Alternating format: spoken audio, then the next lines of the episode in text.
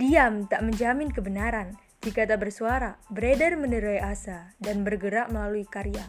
Lantas, bagaimana kebebasan ada? Jumpa lagi dalam katalog kata, Kopri bersuara. Assalamualaikum warahmatullahi wabarakatuh. Dengan saya Aisyah Nur Sasmita dari uh, Biro PSDKP Kopri. Nah, kita hari ini akan uh, mengadakan sebuah acara yang sangat istimewa yaitu apa? Kopri bersuara. Ya, ini adalah acara yang diselenggarakan oleh Biro Rekrutmen Kopri. Nah, sebelumnya apa kabar nih kawan-kawan sekalian? Apa kabar sahabat-sahabati yang di rumah ataupun yang berada di rayon Ibnu Akil sekarang? Semoga baik-baik saja ya. Amin. Dan semoga selalu diberkahi Allah baik di mana pun berada. Amin. Nah, di acara kita ini kita akan mendatangkan dua narasumber hebat yang akan membahas tentang kopri dan kopri bersuara, yaitu uh, yang pertama sahabati Imro'atus Soliha atau bisa dipanggil dengan sahabati Iim. Uh, beliau atau sahabati Iim ini berasal dari uh, biro eh bukan biro ya, tapi bendahara kopri.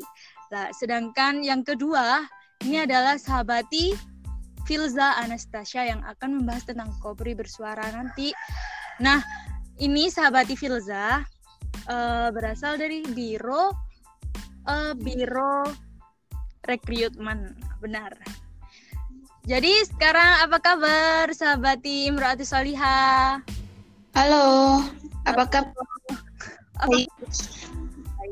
Alhamdulillah, kabar baik ya sekeluarga. Iya.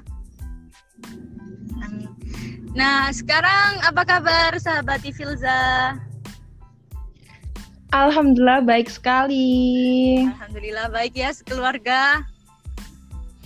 Baik, alhamdulillah. Maaf ya ini sedikit ramai karena ini berada di kawasan luar rumah alias di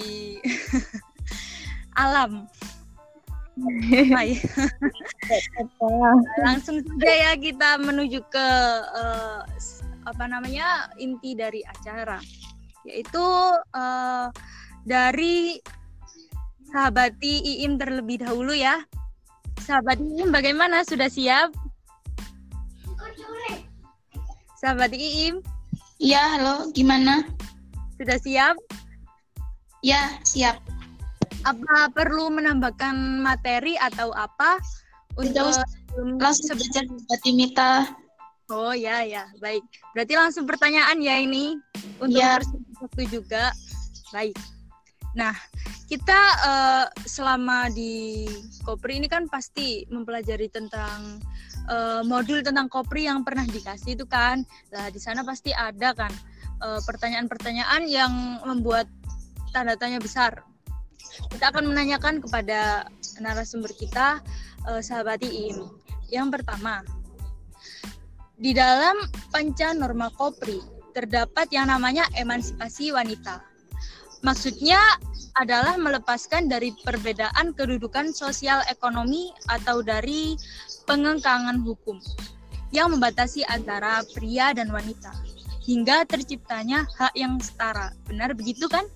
Iya benar.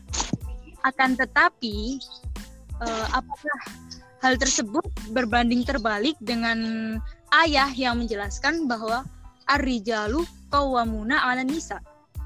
Seperti itu. Apakah uh, berbanding terbalik ataupun bagaimana saudara saudari Iim, sahabat Iim? Hmm, tidak ya. Soalnya ayat Ar-rijalu qawwamuna 'ala nisa uh, ayat ini uh, yang dimaksud dengan ayat ini seorang laki-laki memimpin laki-laki memimpin perempuan. Nah, ayat ini tuh bukan tentang dalam ranah kedudukan sosial atau ekonomi, tapi ayat tersebut mencakup dalam ranah pernikahan seperti itu. Kan seorang laki-laki menjadi imam bagi seorang perempuan, menjadi imam bagi istrinya, menjadi pemimpin dalam keluarga, menjadi tanggung jawab penanggung jawab terhadap keluarganya, istrinya, dan anak-anaknya seperti itu. Berbeda lagi dengan ranah sosial atau ranah uh, dalam ranah pemerintahan. Nah, seorang perempuan bisa saja menjadi pemimpin, bisa saja kita setara dengan laki-laki, kita juga bisa menjadi pemimpin ya. di suatu pemerintahan ya. ya. Misalnya di suatu daerah begini, misalnya di suatu daerah itu tidak ada kaum laki-laki yang mampu untuk menjadi pemimpin. Nah, maka boleh bagi seorang wanita itu untuk menjadi pemimpin karena tidak ada suatu larangan wanita menjadi seorang pemimpin begitu. Mungkin seperti itu yang dimaksud dengan uh, ayat Ar-Rijalu Qawmun 'ala Nisa. Uh, ayat ini tentang uh, masuk dalam ranah pernikahan oh, seperti itu. Ya, seperti itu. Oh, berarti hanya dikhususkan untuk ranah pernikahan ya? Bagi iya. perempuan iya. atau laki-lakinya. Uh, yes. Berarti kalau misalnya ya di sebuah daerah tersebut juga terdapat laki-laki, tapi seperti Bu Risma itu juga boleh ya uh, menjadi pemimpin meskipun ada laki-laki. Kalaupun itu dia seorang perempuan lebih baik, memiliki kualitas yang lebih baik, berarti dia mampu menjadi pemimpin. Ya, itu ya. Ya. Ya. Ya, seperti itu. Nah, untuk yang nomor dua ya sekarang pertanyaan nomor dua dalam penyempurnaan struktur Kopri sebagai badan seni semi otonom PMII seyogianya dimaksimalkan untuk memperkuat kader perempuan PMII dalam intelektual ataupun dalam segi ideologi organisasi yaitu menggunakan aswaja dari perspektif perempuan. Nah, dari hal tersebut titik jelas aswaja dalam sudut pandang perempuan atau perspektif perempuan tadi itu maksudnya bagaimana sih? Titik jelasnya itu bagaimana saudari Iim? Sahabat Iim. Uh, oke okay, jadi gini. Uh, titik jelas aswaja itu dalam sudut pandang perempuan itu bagaimana maksudnya? Uh, aswaja itu sebagai landasan dalam iya. pergerakan perempuan. Seperti itu. Ya. karena itu juga termasuk dari NDP yang mana itu adalah nilai dasar pergerakan bagi PMII begitu juga termasuk KOPRI. Di situ kita bisa tarik kesimpulan dan bisa kita ketahui bahwasanya pergerakan kita pergerakan KOPRI itu yang atas wajah. Bahasanya gimana ya? Bahasanya itu feminis versi aswaja seperti itu. Uh, kalau feminis versi Aswaja berbeda dong dengan feminis-feminis lainnya. Yang mana feminis lainnya lainnya kan mereka menjunjung sangat menjunjung hak-hak perempuan ya. Berbeda dengan kita. Kita itu mempunyai ciri khas tersendiri. Yeah. ciri khasnya ciri khas dari kita itu perempuan-perempuan yang bukan hanya menjunjung tinggi perempuannya. Yeah.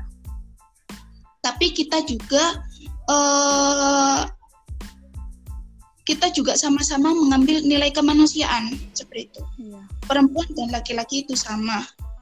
Bukan perempuan harus seperti ini, perempuan harus seperti itu. Sehingga kita mengalahkan laki-laki. Tidak, tidak seperti itu.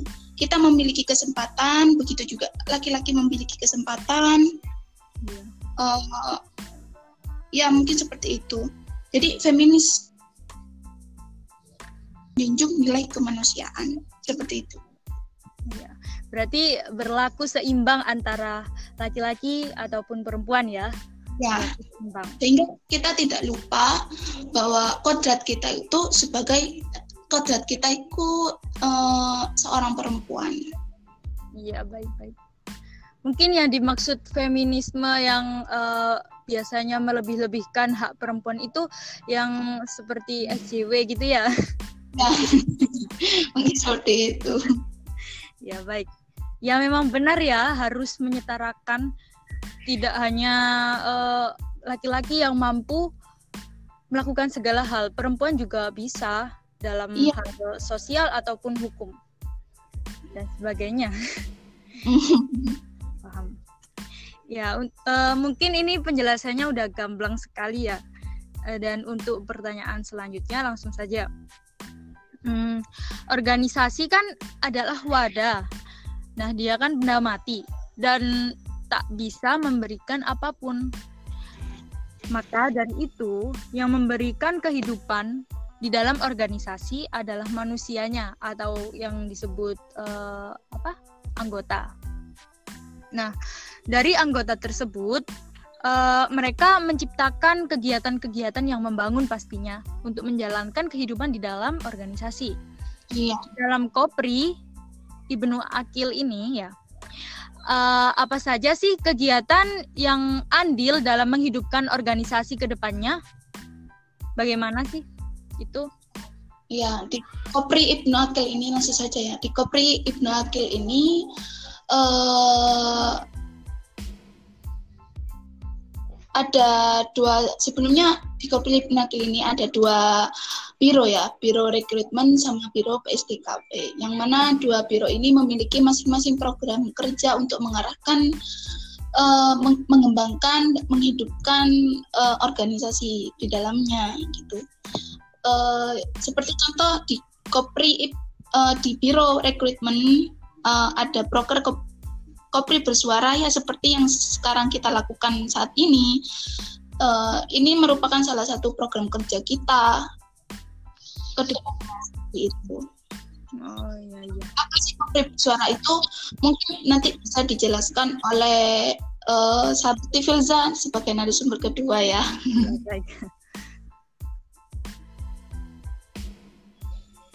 Terus di juga di Biro Rekrutmen itu ada program kerja ngetuk. Oh iya. Iya, bukan begitu sahabat Tifilza? Iya, betul sekali sahabat uh, juga di uh, dan yang kedua itu di Biro PSDKP ada uh, diskusi diskusi diskusi setiap bulannya. Ya mungkin hanya itu ya sahabat Timita oh, iya. perkenal uh, dari kegiatan-kegiatan Kopri. Baik baik. Oke, paham kan pasti ya uh, ada banyak organis uh, ada banyak kegiatan yang akan dibentuk di dalam Kopri ini untuk mengembangkan minat bakat ataupun uh, pola pikir kritis para anggotanya. Baik, untuk selanjutnya kita beralih ke narasumber kedua, yakni sahabati Filza. Bagaimana sahabati Filza? Sudah siap? Siap, lanjut. Sahabati. Apa uh, ada yang disampaikan sebelum beralih ke diskusi-diskusi nanti? Langsung aja sih, langsung aja Sahabati. Oke. Okay. Nah, dari uh, beberapa pertanyaan ini sudah dirangkum menjadi lebih padat lagi ya. Nah, pertanyaan pertama yaitu apa sih motivasi dari terbentuknya Kopri Bersuara ini? Bagaimana Sahabati? Um, kalau bicara motivasi, kalau pengurus yang ngadain kegiatan itu pasti motivasinya para kader ya. Jadi motivasi dari program Kopri Bersuara ini adalah para kader. Dan kenapa kok para kader gitu ya? Karena kami sebagai pengurus itu menganalisis minat dan bakat para kader yang memang rata-rata tertuju pada bidang public speaking. Sangat bagus sekali kan ya, para kader. Uh, tentunya hal ini kami harus memberikan wadah ya untuk memberikan kesempatan bagi mereka untuk mengembangkan dan melatih public speaking dengan cara speak up gitu. Speak up terhadap isu-isu bertema kekoprian atau gender yang mana menambah wawasan dan edukasi masif bagi mereka selanjutnya gitu. gitu. Jadi lebih ke ini ya, lebih apa ya? Uh, mempunyai skill dimanfaatkanlah dengan uh, speak up gitu cara speak up isu-isu kekoprian atau gender atau sosial bisa juga uh, dengan melatih apa ya kemampuan kritis terhadap lingkungan sekitar mereka hmm. gitu. Jadi ini kayak menganalisa diri ya apa diambil yang terbesarnya gitu ya. Sebagian besar uh, public speaking, di skill public speaking seperti itu sahabat? Iya, iya diambil secara besarnya seperti itu karena memang kemampuan seperti ini, skill-skill seperti ini memang harus dilatih sih, dilatih secara masif atau dilatih secara berkelanjutan supaya juga uh, melatih ke depannya kita gitu. Hmm, baik. Karena penting sekali ilmu seperti ini. Juga nanti bisa melatih pola berpikir ya, pasti. Ya, pola berpikir itu juga include ke sana. Baik, baik. Uh, selanjutnya, hmm, uh, bagaimana sih teknis dari kopri bersuara tersebut? Bagaimana, sahabatis? Oh, untuk teknis ya, uh, sebelum bicara ke teknis kita bicara ya apa itu kopri bersuara gitu. Pasti banyak pertanyaan kayak apa sih ini gitu ya. Uh, bersuara sendiri itu adalah secara definisinya ya, itu adalah perbincangan yang bersifat argumentatif terhadap isu-isu sosial gender yang didesain dalam bentuk digital audio atau podcast atau yang seperti kita lakukan sekarang ini. Dan Kopri bersuara ini fokus pada isu gender yang temanya sesuai dengan diskusi termin dialektis dari Biro PSDKP yang dilakukan sahabat-sahabat setiap hari Selasa e, minggu ketiga per bulannya gitu. Jadi termin dialektis itu diskusinya. Dan Kopri ini tuh fokus kepada speak up, eh, isu-isu yang sesuai dengan tema diskusi tersebut yang kemudian diangkat dalam podcast seperti ini gitu sahabat. Berarti nanti mereka dibagi per kelompok, lalu uh, disuguhkan tema sesuai dengan tema yang ada uh, di dijelaskan di Biro PSDKP itu ya. Oh iya, uh, ya kita itu ada kelompoknya gitu. Jadi dibentuk kelompok-kelompok gitu, nanti di uh, mereka diberikan isu-isu gitu yang sesuai dengan tema-tema diskusi yang sudah kita lakukan. Ya. Setelah itu kita diskusi tentang isu-isu tersebut lalu perwakilan speak up gitu di podcast seperti ini. Dan untuk teknisnya sendiri itu jadi yang pertama kali dilakukan oleh mereka itu diskusi per kelompok ya terkait isu gender yang sudah disiapkan oleh pendamping kelompok masing-masing. Estimasi waktunya itu sekitar 4 sampai 5 harian lah gitu. Dikasih waktu untuk diskusi per kelompoknya itu segitu gitu. Terus Kemudian setelah itu satu anak perwakilan dari kelompok itu speak up hasil diskusi ter tersebut ke dalam rekaman audio podcast seperti ini. Dan setelah itu podcast berjalan dipandu oleh host yang mana hostnya adalah pendamping kelompoknya masing-masing dan host mengajukan pertanyaan ke pertanyaan kepada pembicaranya gitu sahabati. Uh, apa nanti yang speak up itu bergantian dari satu kelompok tersebut apa satu orang dari kelompok tersebut saja? Uh, jadi untuk yang perwakilan speak up itu gini. Jadi satu kelompok itu perwakilan satu aja yang speak up gitu aja. Jadi nggak jadi nggak ganti jadi nggak gantian tapi perwakilan gitu aja yang berani kan diri untuk speak up gitu. Berarti yang lainnya uh, ikut uh, dalam uh, ikut andil dalam berpikirnya tadi memikirkan jawaban. Iya seperti itu. Dan untuk teknisnya mungkin nanti bisa kita share ya untuk launching pertama ini bebarengan dengan ini Oke, gitu. siap, siap. Untuk selanjutnya ya, pertanyaan selanjutnya menyesuaikan dengan keadaan pandemi kali ini ya. Apa sih pencapaian yang diinginkan uh, setelah menentukan target atau tujuan Kopri bersuara tersebut? Bagaimana, sahabat? Uh, untuk pencapaiannya itu kita banyak sekali ya apa yang kita inginkan itu banyak sekali itu tapi secara gamblangnya secara secara garis besarnya tuh seperti ini sahabati jadi kita di waktu pandemi ini kan nggak bisa ya kita bersua secara iya. langsung iya. gitu diskusi-diskusi secara langsung nah kita memanfaatkan bung ya uh, memanfaatkan teknologi yang semakin canggih iya. ya kan semakin canggih itu juga melatih kita supaya supaya bisa memanfaatkannya ya uh, gaptek seperti itu. Nah untuk pencapaiannya sendiri terkait diadakannya Kopri bersuara ini tuh yang pertama para kader itu bisa lebih kritis terhadap isu-isu sosial gender gitu. Jadi mereka itu nggak terbatas terhadap wacana saja, tapi mereka itu bisa mampu untuk apa ya mempraktekannya gitu, minimal seperti itu gitu. Terus selanjutnya dan yang paling penting itu mereka bisa mengembangkan atau menyeimbangkan antara kemampuan kognitif mereka beserta afektif mereka dalam menelaah isu-isu sosial gender ini.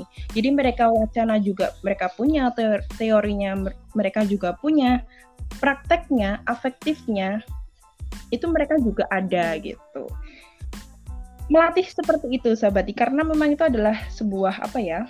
permasalahan yang banyak dirasakan itu. Utamanya kita utamanya untuk para kader ini kita harus mengkader dengan baik-baik, mengarahkan dengan baik supaya mereka jadi embrio-embrio yang melitan gitu bahasanya embrio. Ya berarti kan um, membuat mereka memberi kesempatan untuk berpikir radikal atau berpikir dari dasar untuk uh, menentukan uh, dari tema tersebut mungkin bisa memiliki pemikiran lain dari pemateri sebelumnya yang berada di uh, acara PSDKP ya yang per bulan itu. Iya betul sekali seperti itu. Keinginannya kita seperti itu untuk para kader. Siap, siap.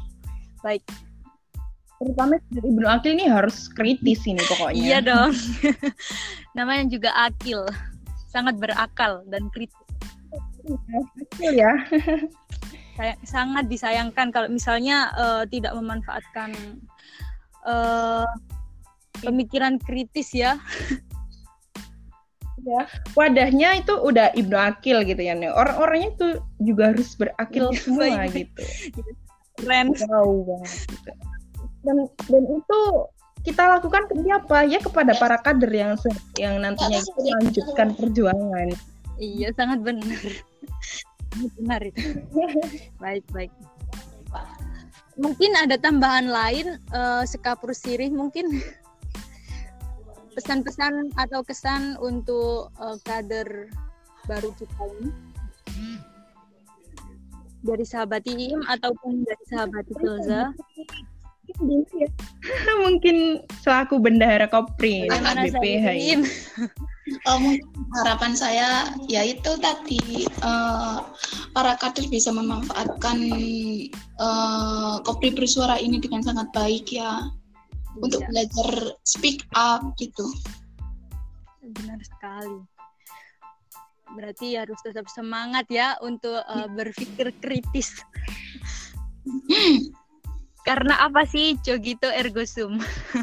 Berpikirlah maka kita akan ada kita semua kan berkesempatan ya, jadi manfaatkanlah kesempatan itu dengan sebaik mungkin.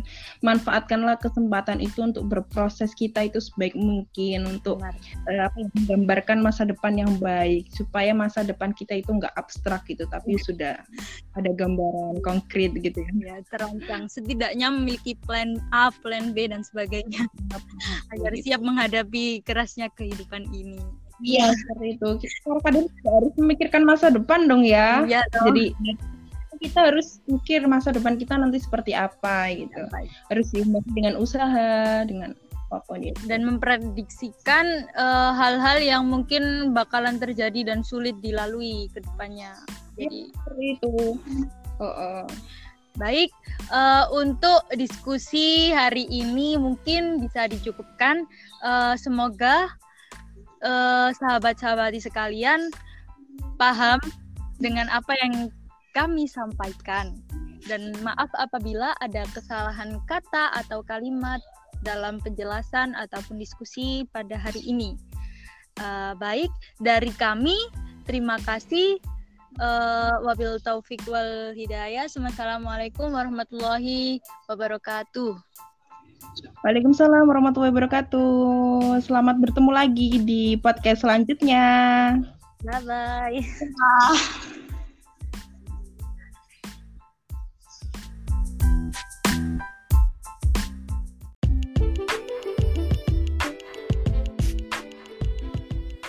Diam tak menjamin kebenaran. Jika tak bersuara, beredar menerai asa dan bergerak melalui karya. Lantas, bagaimana kebebasan ada? Jumpa lagi dalam katalog kata Kopri Bersuara. Assalamualaikum warahmatullahi wabarakatuh. Salam sejahtera untuk kita semua. Uh, sebelumnya perkenalkan saya selaku pengurus Kopri Perjuangan Ibu Akil dan sebagai host uh, podcast kali ini. Nah, pembahasan kita hari ini ialah tentang feminis dalam Islam. Sejak zaman itu, feminisme mulai terangkat dan dikenalkan di halayak feminisme mulai ditegakkan. Agar apa? Agar tidak ada ketimpangan sosial antar gender atau sebagai ajang kompetisi. Mereka mengukuhkan gerakan agar antar gender diseimbangkan. Nah, bahkan permasalahan atau isu-isu feminisme ini hingga masa ini tetap marak dan kemungkinan tak akan surut se seiring seiring penyesuaian perkembangan zaman. Uh, dan di sini kita akan mengupas isu-isu terbaru feminisme dalam Islam bersama dua narasumber kita yang sangat luar biasa ini. Sedikit saya akan memperkenalkan mereka berdua adalah anggota PMII Perjuangan Ibnu Akil. Halo, Halo sahabat Hikam, apa baik. kabar? Kabar baik, Zara, apa kabar? Oke, kita sekarang di sini sama-sama akan membahas isu-isu feminisme dalam Islam ya. Gimana? Uh, kita langsung saja dimulai atau ingin masih mau menyampaikan sepatah dua kata sebelum ya, kita mulai? Saya kembalikan kepada host saja ya.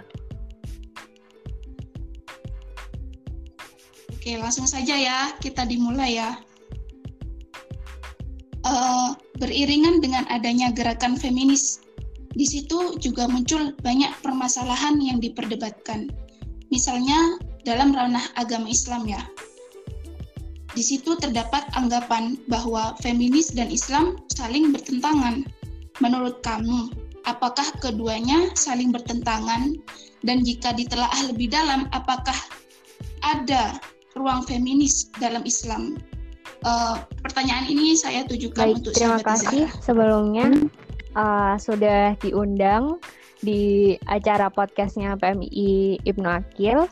Baik, tadi saya ulangi untuk pertanyaannya adalah menurut kamu apakah feminis dan Islam itu saling bertentangan gitu ya? Jadi jawabannya ya. adalah tidak. Ya. Nah, ada lagi pertanyaan, apakah ruang femin adakah ruang feminis dalam Islam gitu? Nah, jawabannya ini akan bisa dijawab setelah hmm. penjelasan saya. Oke, okay. okay. jadi gini. Silahkan. Uh, saya pernah membaca dalam sebuah artikel, bahasanya ada statement seperti ini. Feminisme muncul dalam berbagai spektrum, sifatnya multikultural, dan memiliki banyak aliran yang berbeda. Jika dilihat secara keseluruhan, maka akan menunjukkan ruang untuk feminisme Islam. Nah, dari statement ini itu dipertegas lagi oleh Profesor Musdah Mulia bahwasanya beliau mengatakan ada jalan tengah bagi feminis muslim dan kelompok fundamentalis agama dalam isu feminisme Islam, yaitu ada tiga konsep yang dipegang, yaitu konsep tauhid, khalifah fil art, dan juga amar ma'ruf nahi mungkar. Nah, maksudnya apa sih gitu kan? Tauhid itu kan konsep keesaan Tuhan atau mengesahkan Allah gitu kan. Nah, ketika diartikan ini tuh mencakup banyak sekali gitu.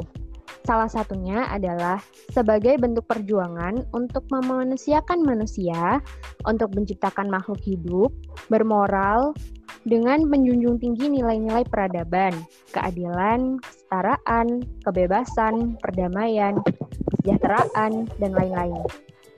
Nah, Islam juga mengajarkan pada kita semua untuk menghormati dan menghargai manusia lainnya, meminta laki-laki atau perempuan untuk menjunjung tinggi martabat manusia, untuk menjadi seorang khalifah fil art atau agent of moral.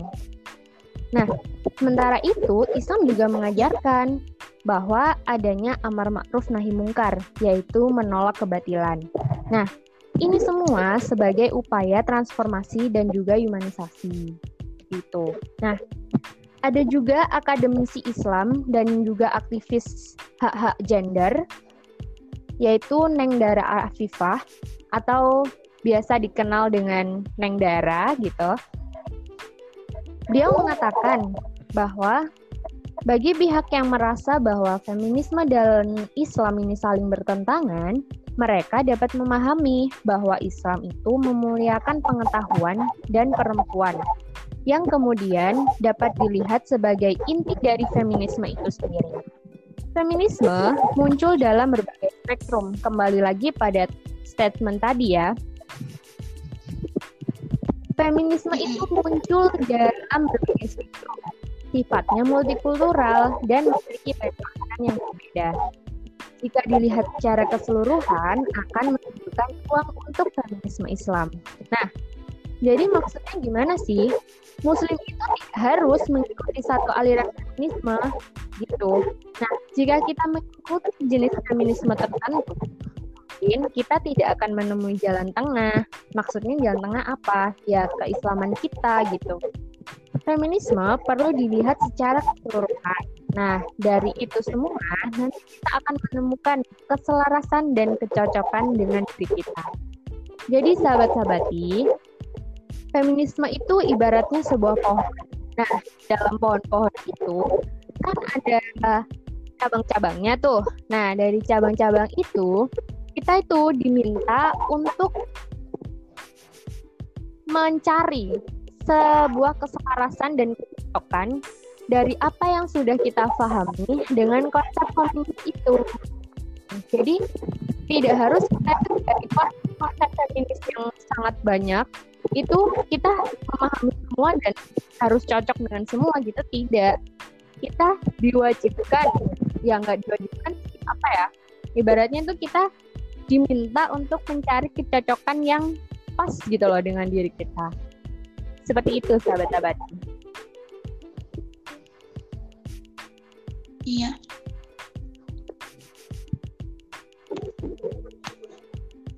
Terus untuk ruang feminis dalam Islam apakah Jawabannya ada? ada. Nah, itu tadi dikembalikan kepada pribadi masing-masing. Jadi, kita harus mencari kecocokan diri kita dengan konsep dari feminisme yang ada gitu. Jangan uh, yang sekiranya nggak cocok, terus tiba-tiba kita juga akhirnya apa ya merasa ini bertentangan dengan Islam gitu. No, nggak seperti itu. Kita harus mencari yang cocok dengan diri kita dan yang pas dengan diri kita. Nanti akan ada keselarasan antara feminisme dan juga Islam itu sendiri. Seperti itu, sahabat Ini ada yang sangat menarik sekali ya. Uh, dari argumen yang kamu paparkan, uh, bahwasanya ada ruang feminis dalam Islam. Berarti gerak feminis Islam ini bersumber pada aturan agama, masih berpegang teguh pada iya, uh, ajaran agama. Benar sekali. Nah, ya terkait permasalahan LGBT yang diwanti-wanti atau dalam hal ini mengalami kesulitan dalam memecahkan argumen teologisnya. Berbicara tentang feminis Islam tadi, pastinya banyak ya sekali isu-isu yang berbeda ber, beredar terkait feminis yang menjadi bahan gejolak antara feminis dan fundamentalis agama seperti isu LGBT ini. Nah, sahabat hikam, menanggapi hal itu, bagaimana argumen feminis Islam apakah feminis Islam sama dengan feminis Barat yang menerima dan mendukung LGBT?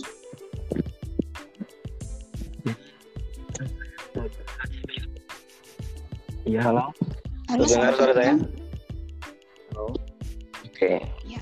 Jadi gini, emang Ya. ya, ketika kita membahas feminisme, otomatis kita juga akan bersinggungan dengan yang namanya pembahasan LGBT. Ya, Kenapa? Ya karena LGBT itu ya saudara kembar dari feminisme barat itu. Lalu bagaimana feminisme Islam menanggapi LGBT itu? Ya. Kita kan sudah tahu sudah dibahas tadi oleh narasumber sebelumnya bahwa feminisme Islam itu tetap dan masih berpegang pada teks-teks keagamaan yang ada. Salah satunya Al-Qur'an sunnah atau hadis Lalu bagaimana uh, feminisme Islam menanggapi LGBT? Ya, bagaimanapun juga LGBT tetap tidak dibolehkan dalam agama kita, dalam agama Islam. Karena terdapat teks-teks karena terdapat teks-teks keagamaan yang melarang LGBT seperti liwat pada uh, umatnya Nabi Nuh itu. Jadi sudah jelas LGBT, eh, mohon maaf. Jadi sudah jelas feminisme muslim, feminisme Islam itu tetap tidak memperbolehkan LGBT bagaimanapun keadaannya. Yang saya maksud LGBT ini adalah perilaku LGBT ya, bukan pelakunya. Berbeda lagi dengan pelaku. Kalau berbicara soal apa? pelakunya ya jelas kita harus tetap melindungi pelaku LGBT tersebut. Kenapa? Ya karena dengan atas dasar eh, kemanusiaan, humanisme. Gitu. Karena LGBT itu kan perihal bagaimana menempatkan sebuah hasrat seksual. Nah, hasrat seksual itu kan tidak bersifat kodrati ya. Jadi setiap insan baik laki-laki atau perempuan itu bisa menempatkan hasrat seksualnya bukan menempatkan untuk mengarahkan hasrat seksualnya kepada tempat yang benar. Misal, laki-laki e, bisa mengarahkan hasrat seksualnya kepada perempuan dan begitu juga sebaliknya. Jadi permasalahan LGBT ini untuk itu adalah ya kesalahan dalam memilih hasrat seksual tersebut. Maka dari itu kita harus tetap melindungi mereka. Melindunginya dengan cara apa? Ya kita dengan cara e, merehabilitasinya kepada pihak yang tepat entah itu ke psikolog, psikiater atau pihak lain yang ahli dalam hal tersebut. Itu sahabat. Oh iya. Oke, untuk pembahasan ini uh, bisa saya tarik kesimpulan bahwa feminis dalam Islam itu ada ruangnya dan feminis Islam uh, mereka masih berpegang teguh pada ajaran agama yaitu Al-Quran dan hadis. Oke, kita lanjut ke pembahasan yang kedua yaitu tentang uh, tubuh perempuan ya. Uh, sahabat-sahabat sekalian, tak jarang nih ya muncul berbagai polemik isu tentang tubuh perempuan. Dan pemberitaan itu berasal dari stigma yang terbentuk pada masyarakat dulu dan sampai saat ini. Banyak sekali permasalahan yang muncul yang bersumber dari narasi tubuh perempuan. Contohnya, yang paling dekat adalah pakaian dalam rangka untuk menutup aurat. Dalam hal ini, Islam sudah mengatur batasan aurat pada laki-laki dan pada perempuan. Aurat perempuan seluruh badan, wajah dan telapak tangan. Nah, mengintem, menginterpretasikan hal itu sudah menjadi permasalahan akrab ada seorang perempuan, seorang perempuan Islam yang tidak berhijab. Padahal sudah jelas ya bahwa hijab itu wajib hukumnya dalam agama Islam ya. Lalu bagaimana pandangan feminisme terkait hal ini? Apakah feminis mewajibkan seluruh kaum perempuan muslim untuk menunjukkan identitasnya sebagai muslimah dengan pakaiannya yang tertutup atau membebaskannya adalah adalah sebuah pilihan atau bahkan tidak mewajibkannya. E, menurut sahabat Zahra, bagaimana untuk e, menjawab pertanyaan yang sangat apa ya? Iya baik. Jadi begini ya, uh, kan ini kan bicara tentang pandangan feminis gitu. Jadi, feminis ini mengambil pemikiran moderat dan juga progresif. Nah, tadi kan disebutkan bahwasanya menurut menutup aurat bagi perempuan itu wajib hukumnya, terlebih seorang muslim kan? Iya. Nah, tapi kita kembalikan lagi, artinya wajib itu apa sih gitu kan? Nah, wajib itu apabila kita melakukan, kita mendapat pahala, dan apabila kita tidak melakukan, kita mendapat dosa, gitu kan. Nah, ketika seorang muslimah ini mengenakan hijabnya atau berhijab, maka dia akan mendapatkan ini apa pahala atas dia menutup auratnya. Begitupun sebaliknya, apabila dia tidak berhijab, maka dia juga akan mendapat dosa karena tidak menutup aurat. Tapi tidak serta-merta kita itu memberikan pandangan bahwa wanita yang tidak berhijab itu adalah wanita yang buruk atau wanita yang nakal gitu. Tapi tidak menutup kemungkinan bahwasanya orang yang tidak berhijab ini mungkin dosanya itu tertutupi oleh pahala-pahala yang lain Misalnya, dia rajin sholat, dia rajin bersedekah, menolong menolong orang lain, dan lain-lain.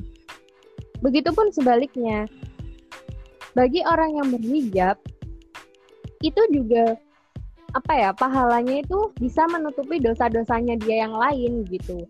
Jadi kita sebagai apa ya sebagai seorang yang memiliki pengetahuan yang luas juga itu uh, bagaimana kita bisa melihat seseorang itu dari pandangan-pandangan yang lain, yeah. Dari kemungkinan-kemungkinan yang lain.